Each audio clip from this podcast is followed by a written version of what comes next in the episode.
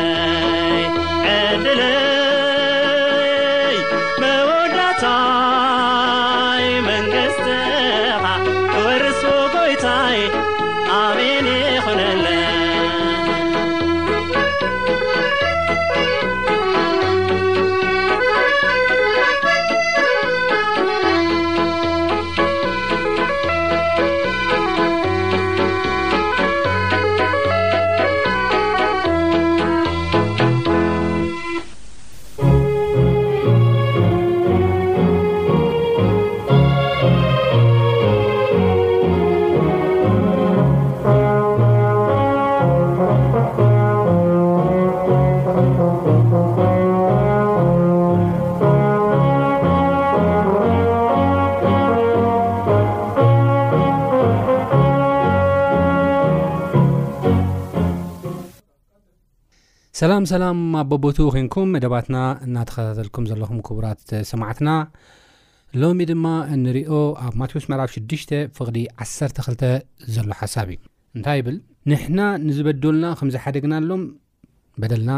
ሕደገልና ይብል ማለት እዩ ኣብ ዝሓለፈ ናይ ቃል ግዜያትና ኢየሱስ ክርስቶስ ንደቀ መዛሙርቱ ዘምሃሮም ጸሎት ኣብ ማቴዎስ ምዕራፍ 6 ካብ ፍቕዲ ትሽዓተ ጀሚሩ ዘሎ ሓሳብ እናርኣና መጺእና ኢና እዚ ማለት ሕድሕድ ቃላት ኣብ ሰማያት ትነብር ኣቦና ስምካ ይቀደስ መንግስትኻ ትምፃእ ፍቓድካ ከምቲ ኣብ ሰማይ ከምኡ ናብ ምድሪ ይኹን ንዕለት እንጀራና ሎሚ ሃበና ዝብል ሓሳባት ኩሉ ቃል ብቓል እናውፃና ርኢና ኢና ዓብዪ ትምህርትታት እውን ረኺብናሎም ኢና እዞም ትምህርትታት እዚኦም ድማ ኣብ ሂወትና ዘምፅዎ ለውጢ እንታይ እዮም ዝብል ርኢና ነና ኪንዮ እቲ ፀሎት ምግባር ኣብ ሂወትና ግን ዓብዪ ዝኾነ በረከት ዓብዪ ዝኾነ ለውጢ ከም ዘለዎም እዩ ዝዛረብ ማለት እዩ ናይ ሎሚ ከዓ እንሪኦ ቅድም ኢለ ከምቲ ዝበልክዎ ንሕና ንዝበደልና ከምዝሓደግናሎም በደልና ሕደገልና ዝብል ሓሳብ እዚ ጥቕሲ እዚ ብዙሓት ሰባት ከንብብዎ ዘይደፍሩ፣ ተንበብዎውን ክትግብርዎ ሓይሊ ዝስእኑ ከቢድ ጥቕሲ እዩ ዝብሉ ውሑዳት ኣይኮኑን። ምናልባት ወላ እኳ ደፊሮም ተንበብዎን ተሰበኽሉን ኣብ ምንባር ግን ኣብቲ ፕራክቲካል ኣብቲ መሬት ዘሎ ሓቂ ግን ሰባት ነዚ ጥቕሲ እዚ ክፍጽምዎ ግን ኣይረኣዩን እዮም። ብሰብ ኣረኣያ ክትርኢ ከለኻ ብዙሕ ምስላታት እውን ኣሎ እዩ ሕንኡ ዘይፈዲ እናተባሃለ ብዙሕ ብዙሕ ብዙሕ ብዙሕ ነገራት ምስላ እውን ወፂሉ እዩ ስለዚ ብዓለም ኣረኣያ ሓደ ሰብ ዝተጎድአ ሰብ ሕነ ንምፍዳይ ልሙድ ወይ ድማ ኣብ ዓለም ዝዝረብ ኮይኑ ኢና ንረኽቦ ማለት እዩ ነገር ግን መፅሓፍ ቅዱስ ዘሎ ሓሳብ ግን ምስቲ ኣብ ዓለም ዘሎ ኣባህላ ተፃራሪ ስለ ዝኾነ እዚ ነገር እዚ ሰባት ንክቐበልዎ ተቐቢሎም ድማ ኣብ ሂወቶም ተግባራዊ ክገብርዎ ኣዝዩ ከም ዝኸብዶም እዩ ዝነግረና ማለት እዩ ንሱ ጥራሕ ግን ኣይኮነን እቲ ሓጢኣተኛ ስጋና ብካልእ ኣባህላ ኣነነት ስስዐ ንዓይ ጥራሕ ዝብል ኣተሓሳስባ ዝመልአ ኣእምሮናን ክፉእን ጎራሕን ተንኮለኛን ተባሂሉ ዝተጠቕሰ ልብናን እዚ ነገር እዚ ፕራክቲካል ንምግባር እዚ ነገር እዚ ናብ ተግባር ንምልዋጥ ኣዝዩ ከም ዝኸብዶ ኢና ንርኢ ማለት እዩ ዋ እሞ ደኣ ኢየሱስ ክርስቶስ ንሕና ደካማ ምዃንና እናፈለጠ ናይ ስጋ ኣተሓሳስባ ዝወረሰና ሰባት ምዃንና እናፈለጠ ከምዚ ዓይነት ጸሎት ንክንጽሊ እሞ ከዓ ዕለት ካብ ዕለት ንክንጽልን ኣብ ተግባር እውን ከነውዕሎን ንምንታይ ጸውዒና ዝብል ሓሳብ እዩ ናይ ሎሚ ዋና ሓሳብ ዝኸውን ዘሎ ንምንታይ እዩ ዝጸልዩ ኢሉ ኸ ዝሃበና ዝጸሎት እዚ እወ ኢየሱስ ክርስቶስ ስጋውያን ጥራሕ ኮይንና ንክንተርፍ ብዓለም ኣተሓሳስባ ጥራሕ ተዋሒጥና ክንተርፍ ድላዩን ፍቓዱን ኣይኮነን እቲ ዋና የሱስ ክርስቶስ ዝመፅሉ ዓላማው ናብ ማቴዎስ ምዕራፍ ሓደ ከይና ንርእየሉዋን ንሱን ህዝቡ ካብ ሓጢኣቶም ከድሕኖም እዩ ተባሂሉ ንሱን ህዝቡ ካብ ሓጢኣቶም ከድሕኖም እዩ እዚ ሓጢኣት ኦረዲ ዝሰራሕናዮ ጥራሕ ዘይኮነ እዚ ሕጂ ባርያ ገይርና ፅድቂ ንኸይንሰርሕ ከልኪልና ዘሎ ናይ ኣንነት ዝኾነ ባህርናት እውን ካብኡ ካብዚ ጀቕጀቕ ንክድሕነና ኢየሱስ ክርስቶስ እውን መፅኡ ንዕኡ እዩ እውን እዚ ጸሎት እዚ ኣስተውዒልና ክንጽሊ ኣብታ ናይ ትምህርቱ ማእኸል ኣቐሚጡ ዝሃበና ማለት እዩ ካብ ዝገርም ነገር እዚ ጸሎት እዚ ማእኸላይ ጸሎት እዩ ማእኸል ኣብ ማእኸል የቕሪቡ ሰንተር ቶፒኩ እዚ እዩ እቲ ዋና ሓሳቡ እዚ ኢሉ ኣብ ማእኸል ኣቐሚጡ ኣብ ብሉይ ኪዳን ሓደ ልሙድ ዝኾነ ኣፀሓሕፋ ኣሎ ንሱ ድማ ካያስቲክ ስትራክቸር ዝበሃል ስታይል ኣፀሓሕፋ ኣሎ እዚ ፀሓፋ እዚ መብዛሕትኦም ናይ ብሉይ ኪዳን ፀሓፍቲ ክጥቀምሉ ኢና ንርኢ ማለት እዩ እዚ ፀሓፋ እዚ እንታይ እዩ ነታ ናይ ማእኸል ዝኾነት ሓሳብ ኣጉሊሕካ ንምርኣይ ናይ መጀመርያ ናይ መጨረሻን ሓሳብ ተመሳሳሊ ጌርካ ምቕራብ እዩ እቲ ሰንተር ቶፒካ ንምእላሽ ማለት እዩ ሕጂ ኣብዚ ከዓ ናይ የሱስ ክርስቶስ ፀሎት ከዓ ከድና ክንረአ ከለና ንሕና ንዝበደሉና ከም ዝሓደግናሎም በደልና ሕደገልና ዝብል ጸሎት ኬናም ንርእየሉ እዋን ኣብ ማእኸል ተቐመጠት ጸሎት እያ ብካልእ ኣባህላ ሰንተር ናይቲ ጸሎት እያ እያ ወንጌል ዝሓዘት እያ ንዓና እውን ካብቲ ኣነነት እውን ዘውፀና እዩ ማለት እዩ ስለዚ የሱስ ክርስቶስ እዚ ዓይነት ደካማታት ምዃንና ብሓጢኣት እተተሓዝና ሰባት ምዃና እናፈለጠ እዚ ጸሎት እዚ ክንጽሊ ዝፈቐደሉ እሞ ከዓ ማእኸል ናይቲ ናይ ጸሎት ትምህርቲ ገይሩ ዘቕረበሉ ዋና ዕላማ እንታይ እዩ ኣዝዩ ወሳኒ ዝኾነ ናይ ህይወት ለውጢ ኣብ ህይወትና ስለ ዘምጽእ እዩ ናይ ህይወት ለውጢ ኣብ ህይወትና ጥራሕ ዘምጽእ ጥራሕ ዘይኮነሲ ካብቲ ብሓጢኣትና ዝመጽእ ሽግራት እውን ስለ ዘድሕነና እዩ ክንገልጾ ዘይንኽእል በረኸት ኣብ ጸሎት እዚ ስለ ዘሎ እዩ ኣነ ዝተወሰነ ክጠቅስ እየ ኣብ ዝቕጽል መደባትና ግን ክንገልጾ ዘይንኽእል በረኸታት ስለ ዘሎ እዩ ተቐዳማይ ሓደ ክንገልጾ ዘይንኽእል ሓደ በረኸት ኣነ ቁርብ ጥራሕ ክጠቕሰልኩም ሓቀኛ ዝኾነ ናይ ንስሓ ጸሎት ንክንለማመድ ስለ ዝረድኣና እዩ እቲ ካልኣይ ናይ ሕልና ክሲ ናይ በደለኝነት ስምዒት ካባና ስለ ዘወግዶ እዩ። እቲ ሳልሳይ ከኣ ዝተትረፍረፈ ናይ እግዝኣብሄር ጸጋ ክንቅበል ስለ ዘኽእል እዩ። እዚ ሕድሕድ ኣብ ዝቕጽል መደባትና ክንሪኦ ኢና። እዚ ጥራሕ ግን ኣይኮነን ብዙሕ በረከታት ንስኹም እውን እትውስኹሉ ብዙሕ በረከታት ኣብ ፅሑፍ እዚ ኣሎ እዩ ስለዚ እዚ ፅሑፍ እዚ ብደንቢ ምስትውዓልን ብደንቢ ምርዳእን ብደንቢ ምንባብን ኣገዳሲ ይኸውን ማለት እዩ እሞ ናብቲ ዝቕጽል ሓሳበይ ክኣቱ ከለኹ እዚ ጸሎት እዚ ከቢድ እዩ ከም ዝበልክዎ እዚ ጸሎት እዚ ከቢድ እዩ ከምቲ ዝበልክዎ ሓደ ታሪክ ተጻሓፈ ኣሎ ንሱ ድማ ናይ ሓደ ቫንብሮክ ዝበሃል ሰባ እዩ እዚ ቫንብሮክ ኣዝዩ ግፍዒ ዝሰርሐ ሰብ እዩ ግፍዒ ሰሪሑ ግን ኣብ ቤት ፍርዲ ቀሪቡ እዩ ኑዛዜ ዝህብ ዘሎ ሞ እቲ ኑዛዜኡ ክንበብ ከሎ እዝሃቦ ኑዛዜ ዝተናዘዞ ነገር ክንገር ከሎ ኣብቲ ቤት ፍርዲ ብጣዕሚ ዝዝግንኒ ነይሩ ነታ ከሳሲት ኣብ መወዳእታ ዝሰምዑ ኣብቲ ቤት ፍፍሪ ዝነበሩ ሰባት እንታይ ክትደሊ እዚ ሰብ እንታይ ዩ ክግበሩ ዝደሊ ኢሎም ዝመለሱላ ኩነት እዩ እንታይ ገይሩ ቫንብሮክ ቅድሚ ብዙሕ ዓመታት ቅድሚ 2ስራ ዓመት ልዕሊኡን ዝኸውን ዓመታት ነዛ ሰበይቲ እዚኣ ዓባይ ሰበይትያ ወዳ ወሲዱ ቀትልና ነይሩ ደድሕሪኡ ወሲኹ ድማ እንደገና ሰብኣያ ወሲዱ ናበይ ከም ዝደርበዮ ቀትልዎ ድዩ ጉሒፎ ድዩ ኣይፍለጥን ወሲዱ እንደገና ፈላለዋ ድሓር መበል ሳልሳይ እንደገና መፅኡ ድማ ንዓኣ ወሲዱ ናብ ሓደ ገምገም ባሕሪ ከም ዝወሰዳ ድሓር ኣብኡ ከዓ ሓደ ነገር ከም ዘረኣይና ንርኢ ሰብኣያ እግሩን ኢዱን ኣጣሚሮም ኣሲሮም እናገረፍዎ ብዘይ ዕረፍቲ የርእያ ማለት እዩ ሰብኣይ ኣብ ኣዝዩ ከቢድ ስቓይ ካብ ምዃኑ ዝተላዕለ ኣብ ሞትን ኣብ ህይወትን እዩ ዘሎ ክቐትልዎ ይደለዩን ድሓር ንዓ ክሪኣ ከሎ ናይ መጨረሻ እንታይ ይገብር ላምባ ኣብ ልዕሊኡ ይንስንስ እሞ ከቃፅሎ ምስ በለ እቲ ተኣሲሩ ኣብ ስቓይ ዝነበረ ሰብኣያ እግዛብሄር ኣምላኽና ዝገብርዎ ኣይፈልጡን እዮም እሞ ይቕረ በሎም ኢሉ ከም ጸለ ኢና ንርኢ እዚ ክጽሊ ከሎ እታ ሰበይቲ ሰሚዓት ሰብኣያ ቅድሚ ምማቱ ማለት እዩ እዚ ኑዛዜ ምስ ሰምዖ ከምቲ ቅድም ኢለ ዝበልክዎ እቶም ቤት ፍርዲ ኣዝዮም ሓዚኖም ኣዝዮም ጉዮም ዝበልክዮ ነገር ግበሪ እዚ ሰብኣይ እዚ ዝኾነ ነገር ክኸውን እዩ ኢሎም ከም ዝሃብዎ ኢና ንርኢ እዚ እታ ሰበይቲ መልሲ እንታይ ከም ዝኾነ ኣድላይ ኣይኮነን ግን ከምዚ ዓይነት በደል ዝበጽሓ ሰበይቲ እያ ሕጂ ካብ ክርስቶስ የሱስ ይቕረ በሊ ንዓኺ እውን ይቕረ ክበሃለልኪ ዝበሃላ ዘሎ ማለት እዩ ከቢድ ጸሎት እዩ እዚ ከቢድ እውን ከምቲ ሕጂ ደጋጊመ ዝብሎ ዘለኹ ዓብ ዝኾነ ወሳኒ ዝኾነ ናይ ህይወት ለውጢ ኣብ ህይወትና ስለ ዘምፅእን ዋላ ከቢድ እተኾነ ናይ ህይወት በረኸትን ሒዙና ስለ ዝመፅ እዩ እዛ ጥቕሲ ብፍላይ ኬድና ብ ንርእየሉ እዋን ብደንቢ ጌርና ብ ነስተውዕለላ እዋን ሓደ ሓሳብ ከነስተውዕል ደሊ ንሳ ድማ እንታይ እያ ትብል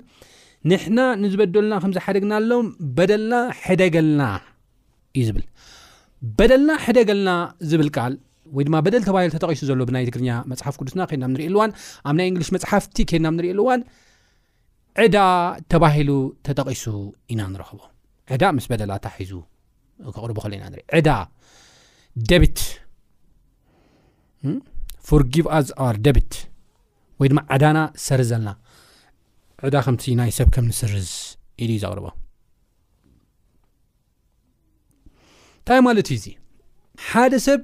ንኻልእ ይቕረ ክብል ዝኽእል ንባዕሉ በደለኛ ከም ዝኾነ ንባዕሉ ሓጢኣተኛ ከም ዝኾነ ከዝተውዕል ከሎ ጥራሕ እዩ መፅሓፍ ቅዱስ ድማ እንታይ እዩ ዝብለና ዕዳ ኣለኩም እዩ ዝብለና እግዚኣብሄር ንሰብ ብመልክዑ ከም ምስሉ ፈጠሮ ይብለና መጽሓፍ ቅዱስ ናይ ህይወት እስትንፋስ ድማ ኡፍ በለሉ እማ ህያው ነፍሲ ኮነ ይብለና ቅፅል ኣቢሉ ከዓ ኣብ ቀዳማይ ቆሮንጦስ ምዕራፍ ሰለስተ ከይና ንርኢ ኣለዋን ንስኻትኩም ናይ ባዕልኹም ኣይኮንኩምን ይብለና ናይቲ ኣባኹም ሓዲሩ ዘሎ ናይ መንፈስ ቅዱስ ኢኹም ናይቲ ፈጣሪኹም ናይ እግዚኣብሄር ኢኹም ንስኹም ናይ ባዕልኹም ኣይኮንኩምን ይብለና ክንፍጠር ከልና ንሕና ናይ ባዕልና ኣይኮናን ናይቲ ፈጣሪና ኢና ናይ መንፈስ ቅዱስ ኢና ናይ እግዚኣብሄር ኣምላኽ ኢና እምበር ንሕና ናይ ባዕልና ኣይኮና ስለዚ ናትና ኣብ ዘይኮነ ህወት ህወትና ኣባላሽና ሓጢኣት ሰሪሕና ወዲቕና ዘይከፈልናዮ ዕዳ ኣሎ እዩ ዘይከፈልናዮ ዕዳ ኣሎ እዩ መጽሓፍ ቅዱስ እንታይ እዩ ዝብለና? ኣዳምን ሄዋንን ሓጢኣት ሰርሑ ይብለና። ካብ ዝተላዕለ ከኣ ኣዳምን ሄዋንን ጥራሕ ዘይኮነስ ኩሎም ሓጢኣት ሰሪሖም ክብሪ ኣምላኽ እውን ስኢኖም እዮም ይብለና። ብሓጢኣት ምክንያት ድማ ህይወት ደቂ ሰባትን ህይወት እዛ ዩኒቨርስን ህይወት እዛ ምድርን ከም ዝተበላሸወ ብልሽውሽው ከም ዝወፀ ኢና ንርኢ እግዚኣብሔር ዝፈጠሮ ኣብቲ ኣዳምን ሄዋን ድማ ክነብሩ ዝፈቐደሎም ቦታ ኤደን እዩ ዝበሃል ነይሩ ናይ ሓጎስ ቦታ ናይ ሰላም ቦታ ዝነበረ ናይ ህውከት ቦታ ናይ ዕግርግር ቦታ እውን ገይሮሞ እዮም ኣከባቢም ኣባላሸሞ እዮም ሂወቶም ኣባላሸሞ እዮም ሓሊፉ እውን ናይ ሓዎምን ናይ ሓፍቶምን ህይወት እውን ኣባላሽዮም እዮም ደቂ ሰባት ስለዚ ብሓጢኣት ናቶም ዘይኮነ ህይወት ኣባላሽዮም ናቶም ጥራሕ ተባላሹ ግና ይተረፈን ኣከባቢ ብምሉእ ተባላሽዩ ናይ ጎረቤቶም እውን ኣባላሽ እዩ ኣዳም ሄዋን ንሕና እውን ተዋና ማለት እዩ ስለዚ ዓስቢ ሓጢኣት ከዓ ይብለና መፅሓፍ ቅዱስ ሮሜ ምዕራፍ 6 ፍቅዲ 2ስራ ከድና ንሪኢ ኣለዋን ዓስቢ ሓጢኣት ከዓ ሞት ይብለና ውበ ጸጋ ኣምላኽ ግን ብክርስቶስ የሱስ ናይ ዘላለም ህይወት ይብለና ስለዚ ዓስባ ሓጢኣት እንታይ እዩ ሞት እዩ ስለዚ ንሕና ሓጢኣት ብምስራሕና ኣብ ናትና ዘይኮነ ህይወት ሓጢኣት ሰሪሕና ነታ እግዚኣብሄር ዝሃበና ናይ እግዚኣብሄር ህይወት ብምብልሻውና ዘይከፈልናዮ ቅፅዓት ኣሎ ንሱ ድማ ናይ ሓጢኣት ዓስቢ ዝኾነ ናይ ሓጢኣት ደሞዝ ዝኾነ ሞት እዩ ዘልኣለማዊ ሞት እዚ ሕጂ ንሞተ ዘለና ኣይኮነን መጽሓፍ ቅዱስ ዝብለና ዘሎ ዘልኣለማዊ ሞት ዘልኣለም ናብ ሓመድ ምቕያር መዓስ እዩ ዝኽፈል ኣብ ካልኣይ ሞት ክርስቶስ እንደገና ክምለስ ከሎ እዩ ዝኽፈል እዚ ዋጋ እዚ ዘይከፈልናዮ ዕዳ ኣሎ እዩ ሕድሕድ ክሓስብ ዘለዎ ሕድሕድ ክርዳእ ዘለዎ እዚ ነገር እዚ እዩ ነዚ መፅሓፍ ቅዱስ እንታይ እዩ ዝብለና በደልና ሕደገልና ዕዳና ሰርዘልና ክንብል ከልና እዚ ዕዳ እዚ ደቂ ሰባት ሂወቶም ኣባላሽዎም ኣብ ዕዳ ዝኣተውዎ ናይ ዘለዓለም ሞት ዘይከፈልዎ ዕዳ ናይ ሞት ዕዳ ባዕሎም ክስርስዎ ስለ ዘይክእሉ ፍቶቶም ክስርዝሎም ስለ ዘይክእል እንደገና ገንዘቦምን ዓቕሞምን ክስርዘሎም ስለ ዘይክእል እቲ ብሕታዊ ክስርዘሎም ዝኽእል ኣምላኽ ብክርስቶስ የሱስ ጌሩ ንኽስርዘሎም በደልና ይሕደገልና ኢልኩም ጸልዩ ኣንለሴ እንዳ ኣዘርዋይስ በደልኩም ኣይሕደገልኩምን እዩ በደልኩም ተሓደግልኩም ከዓ ናይ ዘለዓለም ሞት ክጠፉ ኢኹም ዝብል እዩ እቲ ሎጂክ ናይ መፅሓፍ ቅዱስ ዝዛረበና ማለት እዩ ስለዚ ኣብዚ ከነስተውዕሎ ዝድለ ነገር ተሃለወ ነገር እንታይ እዩ ደቂ ሰባት ህይወቶም ኣብ ዘይኮነ ነገር ኣባላሽም ዝፈጠርዎ ናይ ሞት ዕዳ ዘዋህለልዎ ናይ ሞት ዕዳ ከም ዘሎ ሓጢኣተኛታትን ምዃኖም ተገንዚቦም ተረዲኦም ክጽልይዎ ከም ዘለዎም እዩ ማንም ካብ ማንም ዝሓይሽ የለን ኩሉ ሓጢኣት ሰሪሑ እዩ ኩሉ ከዓ ናይ ሞት ዕዳ ኣለዎ እዩ መፅሓፍ ቅዱስ ዝብለና ነገር ማለት እዩ ኣዳምን ሄዋንን በዓል ዕዳ ክኸኑ ዝገበረቶም ዓሰርተ ሓጢኣት ወይ ዒስራ ሓጢኣት ወይ ሰላሳ ሓጢኣት ኣይኮን ሓንቲ ሓጢኣት እያ ንሳ ድማ ካብ ኩሉ ኦም ገነት ብልዑ ካብዛ ክፉ እን ፅቡቕን እተፍልጥ ኦም ግና መዓልቲ ሞት ከይትሞትስ ኣይትብልዑ ተባህለሉ ትእዛዝ ኣፍሪሶም እዮም ሕጊ ኣፍሪሶም እዮም ዝሞቱ ስለዚ ሓጢኣት ናይ ዝበዝሐ ሓጢኣት ናይ ዝሓደ ኣይኮነን ትሽግሩ ሓንቲ ሓጢኣት እያ ታቐታሊት ናይ ዘለኣለም ሞት ከተምፀልካ ትኽእል ሓንቲ ሓጢኣት እያ በዓል ዕዳ ክትገብረካ ትኽእል ዘይምእዛዝ ማለት እዩ ደጋጊምካ ሓጢኣት ምስራሕ ድሕሪኡ ድሕሪ ሓጢኣት ደጋጊምካ ሓጢኣት ምስራሕ እዩስ ኣዚኻ ካብ ምብልሻው ካልእ ዘምጽኦ ለውጢ የለን። ነገር ግን ኣነ እኮ ንእሽተይ ሓጢኣት እየ ናተይ እኮ ዓቢ ሓጢኣት እዩ ዝበሃል ነገር ግን የለን። ስለዚ እዚ ጸሎት እዚ ንክንጽሊ ሓደ ክንርድኦ ዘለና ነገር ንሕና እንታይ እዩ እንተደኣ ኢልና ናይ ሞት ዕዳ ዘለና ሰባት ኢና። ምክንያቱ ህይወትና ኣብ ዘይኮነ ናትና ኣብ ዘይንብሎ ህይወት እግዚኣብሔር ናይ እግዚኣብሔር ስንፋስ ኣካልና ሓጢኣት ምግባርና ኣብ በላሽና በዓል ዕዳ ኮይና ኢና እዚ ማንም ሰብ ክርድኦ ክኽእል ኣለዎ እዚ ማንም ሰብ ክርድኦ ክኽእል ኣለዎ ክርድኦ እንተደኣ ክኢሉ ንካልእ እውን ይቕረ ክብል ኣይክእልን እዩ ነዚ እዩ በደልና ሕደገልና ኢልና ክንጽሊ ዝነግረና ማለት እዩ። መጽሓፍ ቅዱስ ንሕና በደልና ሕደገልና ኢልና ስለ ዝጸለና ድዩ ይቕረ ዝብለና ክርስቶስ የሱስ ዝብል ሕቶ ኣገዳሲ ሕቶ ብኹላትና ድማ ክሕተት ዘለዎ ሕቶ እዩ። ንሕና በደልና ሕደገልና ኢልና ስለ ዝጸለና ኣይኮነን በደልና ዝሓድገልና ክርስቶስ የሱስ መጽሓፍ ቅዱስ ዝተወሰነ ጥቕሲ ከንብብ እየ ኣብ ሮሜ ምዕራፍ ሓሙሽተ ኴንና ኣብ ነንብበሉ እዋን በደልና ሕደገልና ኢልና ከይጸለና፣ ገና ጸላእቱ ከለና፣ ገና ደካማታት ከለና፣ ገና ዓመጸኛታት ከለና ጎይታ የሱስ ክርስቶስ እንታይ ገይርና እዩ? ሓጢኣትና ይቕረ ኢልና እዩ። ተዓሪቕና እዩ። ደቁ ገይርና እዩ። ናይ ውልድነት መሰል ሂብና እዩ። ዘን ሰለስተ ጥቕሲ ኣዝየ ስለ ዝፈትወን ከንብበን ይፈቱ። ይቕረ በለና ዕዳና ሰርዘልና ስለ ዝበልናዮ ኣይኮነን ቀዲሙ ሰሪዝልና እዩ እንታይ ይብል ገና ድኹማት ከለና ይብል ቅድም ኢለ ነጊረኩም እየ ንሕና ሂወትና ኣብ ዘይኮነ ሓጢኣት ሰሪሕና ከነባላሽዎ ከለና ናትና ኣብ ዘይኮነ ሓጢኣት ሰሪሕና ከነባላሽዎ ከለና ዘፍረናዮ ነገር ናይ ሞት ዕዳ እዩ ክንከፍሎ ዘለና ናይ ሞት ዕዳ እዩ ዘይከፈልናዮ ዘሎ ማለት እዩ ስለዚ እዚ ናይ ሞት ዕዳ ከኣ ክንከፍሎ ስለ ዘይንኽእል፣ ባዕልና ድማ ክንስርዞ ስለ ዘይንኽእል ኢና ናብ ኣምላኽ ክንቀርብ ዘለና። ብገንዘብናን ብፈተውትናን መላእኽትን ቅዱሳንን ዘወግዱልና ተተኾኑ ነይሮም ምተወገደልና ነይሩ። ግን ኣይከኣልን እዩ። መላእኽቲ እውን ከወግዱ ይክእሉን እዮም። ባዕልና እውን ከነወግዶ ይንኽእልና። ወርቅን ብሩርናን ከወግደልና ይክእሉን እዮም። ገንዘብና ከወግደልና ይክእልን እዩ። እቲ ብሕታዊ ከወግደልና ዝኽእል ክርስቶስ የሱስ ጥራሕ እዩ። እሞ እንታይ ይብል ገና ድኹማት ከለና ሓጢኣትና ባዕልና ዕዳና ባዕልና ክንስርዝ ኣብ ዘይንኽእለሉ ባዶ ኣብ ተስፋ ዘይብሉ ኩነታት ኮይና ከለና ክርስቶስ ብግዜኡ ምእንቲ ዓመፅቲ ሞተ ገና ኣነ ብጣዕሚ ዝገርመኒ ነገር ኣሎ ብዚ ሓሳብ እዚ ገና ድኹማት ከለና ብዘይ ተስፋ ከለና ንሱ ምእንቲ ዓመፅቲ ሞተ ይብለና ቀፂሉ ድኹማት ጥራሕ ኣይኮናን ኔርና ህይወትና ኣባላሺና ድኹማት ጥራሕ ኣይኮናን ነገር ግን መጽሓፍ ቅዱስ ኣብ ቆላሳስ ምዕራፍ ሓደ ፍቕዲ ዕስራን ሓደን እውን ከድና ንርእየሉ እዋን ብሓሳባትናን ብተግባራትናን ኩሉ ጸላእቲ ኣምላኽ ኢና ኔርና ንሱ ስለ ዓመጽቲ ሞተ ጸላእቱ ከለና ድኹማት ከለና ንሱ ስለ ዓመጽቲ ሞተ ብሞት ወዱ ተዓረቐና ከ ይብለና ቁፅሪ 1 ፀላእቱ ኮለና ምስ ኣምላኽ ብሞት ወዱ ተዓረቐና ገና ፀላእቱ ከለና ገና ሓጣት ከለና እዚ ሓሳብ እዚ ይቕረ በለና ኢልና ከይጸለና ሲ ገና ሓጢኣተኛታት ከለናስ ንሱ ስለ ዓመስስ ሞይቱ እዩ ንሱ ስለ ዓመስስ ኦሬዲ ሞይቱ ሲ ተዓሪቕና ይባዕሉ ኢንፋክት ኣብዚ ሓደ ነገር ክንርኢ ንደሊ ክሪኦ ዝደሊ ሓሳብ ኣሎ ንሱ ድማ እንታይ እዩ ኣብ ኤነ ነገነት ካብ እግዚኣብሄር እተፈልዩ መን እዮም ኣዳምን ሄዋንን ብምንታይ ብሓጢኣቶም ድሓር ከ ደቆም ከ ምስ ናይ ኣዳምን ሄዋንን ሓሳብ ብምስምማዕ ሓጢኣት ቀፂሎም ድሕሪኡ ከ ናብ ናትና ትውልዲ ከዓ ክንመፅእ ከለና ምስ ኣዳምን ሄዋንን ብምስምማዕ እቲ ናይ ዓመፅ መንገዲ ብምኽታል ካብ ኣምላኽ ርሕቕና ኩላትና ማለት እዩ ኩሎም ሓጢኣት ሰሪሖም ክብሪ ኣምላኽ እውን ስኢኖም ዝብለኑ እዩ ብኃጢኣትና ሕይወትና ኣባላሽና ጸላእቲ ኣምላኽ ድማ ኮይና ቆላሳስ ምዕራፍ ሓደ ፍቕዲ 2ስራ ሓደን ከምብቦ ይደሊ እንታይ ይብል ንኣኸትኩም ቀደም ፍሉያት ብሓሳብኩም ብኽፉእ ግብርኹምን ጸላእቲ ዝነበርኩም ከኣ ካብቲ ዝሰማዕኹምዎ ተስፋ ናይቲ ኣብ ትሕቲ ሰማይ ዘሎ ንኹሉ ፍጡር እተሰብከ ወንጌል ኣነ ጳውሎስ ዘገልጋልዩ ከይተናቓነቕኩምን ተሰሪትኩምን ደልዲልኩም ብእምነት እንተጸናዕኹምሲ ኣበርን ነቐፋን ዘይብሎም ቅዱሳን ገይሩ ኣብ ቅድሚ ምእንቲ ከቆመኩም ሕጂ ብሰብነት ስግኡ ብሞት ገይሩ ዓረቐኩም ይብለና ስለዚ ፍሉያት ብሓሳብኩምን ብክፉእ ግብርኹምን ድማ እንታይ ግብር ጸላእቲ ነበርኩም ይብለና ሕጂ ሓጢኣት ሰሪሕና ጸላእቲ ዝነበርና ሓጢኣት ሰሪሕና ካብ ኣምላኽ ዝረሓቕና ሓጢኣት ሰሪሕና ናትና ዘይኮነ ህይወት ዘባላሸና ንሕና ኢና ደቂ ሰባት ኢና ኣምላኽ ካብ ቀደም ጽልእ ኣይነበሮን መጽሓፍ ቅዱስ ኤርምያስ ምዕራፍ ሰላሳን ሓደን ፍቕሪ ሰለስተ ኸይና ኣብ ንርእየሉ እዋን እንታይ እዩ ነይሩ?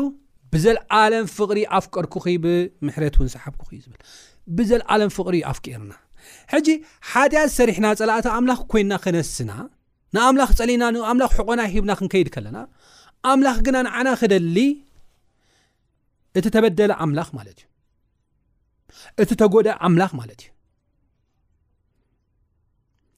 እቲ ሰናይ ገይሩ ጽቡቕ ገይሩ ዝፈጠሮ ፍጥረት ተባላሽዩ ክነሱ ብናይ ባዕሉ ተበግሶ ግን እንታይ ክገብር ከሎ ኢና ንርኢ ወዱ ልኢኹ መልሹ ክዓርቀና ከሎ ኢና ንርኢ ማለት እዩ ናብኡ ከቕርበና ከሎ ኢና ንርኢ ምሕረት ገብረልና ከሎ ኢና ንርኢ ስለ ዓመፅቲ ስለ ክፉኣት ክመውት ከሎ ሓደ ወዱ ልኢኹ ኢና ንርኢ ዝገርም ፍቕሪ እዩ ስለዚ ንሕና ይቕረ በለልና ኢልና ስለ ዝጸለና ኣይኮነን ይቕረ ዝብለና እሞ እንታይ ደኣ እዩ እዚ ሓሳብ እዚ ንምንታይ ደኣ ይቕረ በለልና ኢልና ክንጽሊ ደኣ ይደሊ ኣሎ መጽሓፍ ቅዱስ ይቕረ በለልና ኢልና ክንጽልስ ንምንታይ ይደሊ ኣሎ መጽሓፍ ቅዱስ ኢልና ክንርኢ ከለና እንታይ እዩ እቲ ናይ ዕርቂ ኣገልግሎት ሙሉእ ክኸውን ዝኽእል እቲ ምድሓን ሙሉእ ክኸውን ዝኽእል ንሕና ኣብ እንቕበሎ ግዜ ጥራሕ እዩ። እግዚኣብሄር ሓደ ወዱ ልኢኹ ምድሓን ኣዳልዩ ኣሎ። እግዚኣብሄር ኦረዲ ተዓሪቕና እዩ። ነገር ግን እቲ ዕርቂ ኣገልግሎት፣ እቲ ይቕሬታ፣ እቲ ምሕረት ግን ናይ ምቕባል ተራ ግን ናትና እዩ። እዚ ተራና እዚ እንተ ደይተዋፂና እቲ መድሃኒ ዝቐረበልና ኣስቲልናው እንተ ደይውሒጥናዮ እንተ ደይወሲድናዮ ክንሓዊ ኣይንኽእልን ኢና። ካብቲ ሒዙና ዘሎ ናይ ሓጢኣት ቫይረስ፣ ናይ ሓጢኣት ሕማም፣ ንሕና ክንሓዊ፣ ክንድሕን ኣይንኽእልን ኢና። እዚ እዩ እቲ ሓቂ። ጸጋ ተዳልዩ እዩ። ናይ እግዚኣብሔር ፍቕሪ ከም ዘሎ እዩ። ዘለዓለማዊ እዩ። ስለዚ ይቕረ በለና ኢልና ናይ ምጽላይና ምስጢር ነቲ ይቕሬታ ናይ ኣምላኽ ናይ ምቕባል ምኽንያት እዩ ዘርእየና ኣነ ክድሕን ደሊ ኤልካ ምርጫኻ ናይ ምርኣይ እዩ እግዚኣብሄር ናይ ምርጫ ኣምላኽ እዩ ካብ መጀመርያ እውን ኣዳምን ሄዋን ክፈጥር ከሎ ናይ ምርጫ ነፃነት ሂቡ እዩ ፈጢሮም እወ ኣዳም ክፍጠር ዶ ኢሉ ኣይመረፀን ነገር ግን ምስ ተፈጥረ ግን ምስቲ ናይ እግዚኣብሔር ሓሳብ ትሰማማዕ ዲኻ ኣይትሰማማዕን ኢኻ ዝብል ምርጫ ተዋሂቦ እዩ እንተ ደ ይሰማማዕ ኮይኑ ክመውት ክጠፍእ እንተ ደኣ ዝሰማማዕ ዀይኑ ግን ኪነብር፣ ምርጭኡ ኸኣ ዚገልጸሉ ንእግዚኣብሄር ብምእዛዝን ብዘይምእዛዝን ገይሩ ኣቚምዎ እዩ። እዚ ሓሳብ እዚ ማለት እዩ። ልክዕ ከምኡ ሕጂ እውን እግዚኣብሄር መድሓን ኣዳልዩ ኣሎ። ብሓጢኣት ዝኸዱ ሰባት ኣሉ። እግዚኣብሄር ኣቐዲሙ ተዓሪቕና እዩ። ስለዚ እቲ ይቕሬታ ክቕበል ዝደሊ እቲ ፈውሲ ክቕበል ዝደሊ እንታይ ይገብር? በደለይ ሕደገለይ። በደልና ሕደገልና ኢሉ ይጽልይ እቲ ክድሕን ዘይደሊ ከኣ እዚ ይቕሬታ እዚ ኣይቅበሉን እዩ ወላ ምሕረት ተዳልዩ እናሃለወ መድሃኒት ተዳልዩ እናሃለወ ፈውሲ ተዳልዩ እናሃለወ ብሓጢኣቱ ይመውት ማለት ኢንፋክት ኣብ መወዳእታ እቲ ናይ ሓጢኣት ዋጋ ዓስቢ ዝቕበሉ ሓጢኣት ስለ ዝሰርሑ ዘይኮነስ ነገር ግን ነቲ ንሓጢኣቶም ፈውሲ ዝኾነ ኢየሱስ ክርስቶስ ናይ ግሊ መድሓኒኦም ገይሮም ስለ ዘይተቐበሉ እዩ እቲ ናይ ኣምላኽ ይቕርታ ሕራይ ኢሎም ስለ ዘይተቐበሉ እዮም ኣብ መወዳእታ ናይ ዘለዓለም ሞት ዝጠፍኡ ስለዚ እዚ በደልና ሕደገልና ዝብል ቃል ናይ እግዚኣብሄር ይቅርታ ቀደም ተዋሂብና ዝነበረ ናይ እግዚኣብሄር ዕርቂ ቀደም ተዋሂብና ዝነበረ ንዕኡ ምቕባልና ናይ መርኣያ ጸሎት እዩ ማለት እዩ እሞ ኣሕዋተይ ኣብ ዝቕፅል ናይዚ መቐፀልታ ሒዘልኩም ክቐርብ እየ ክሳብ ዝቕፅል ሰላም ኩኑ ጎይታ ይባረኩም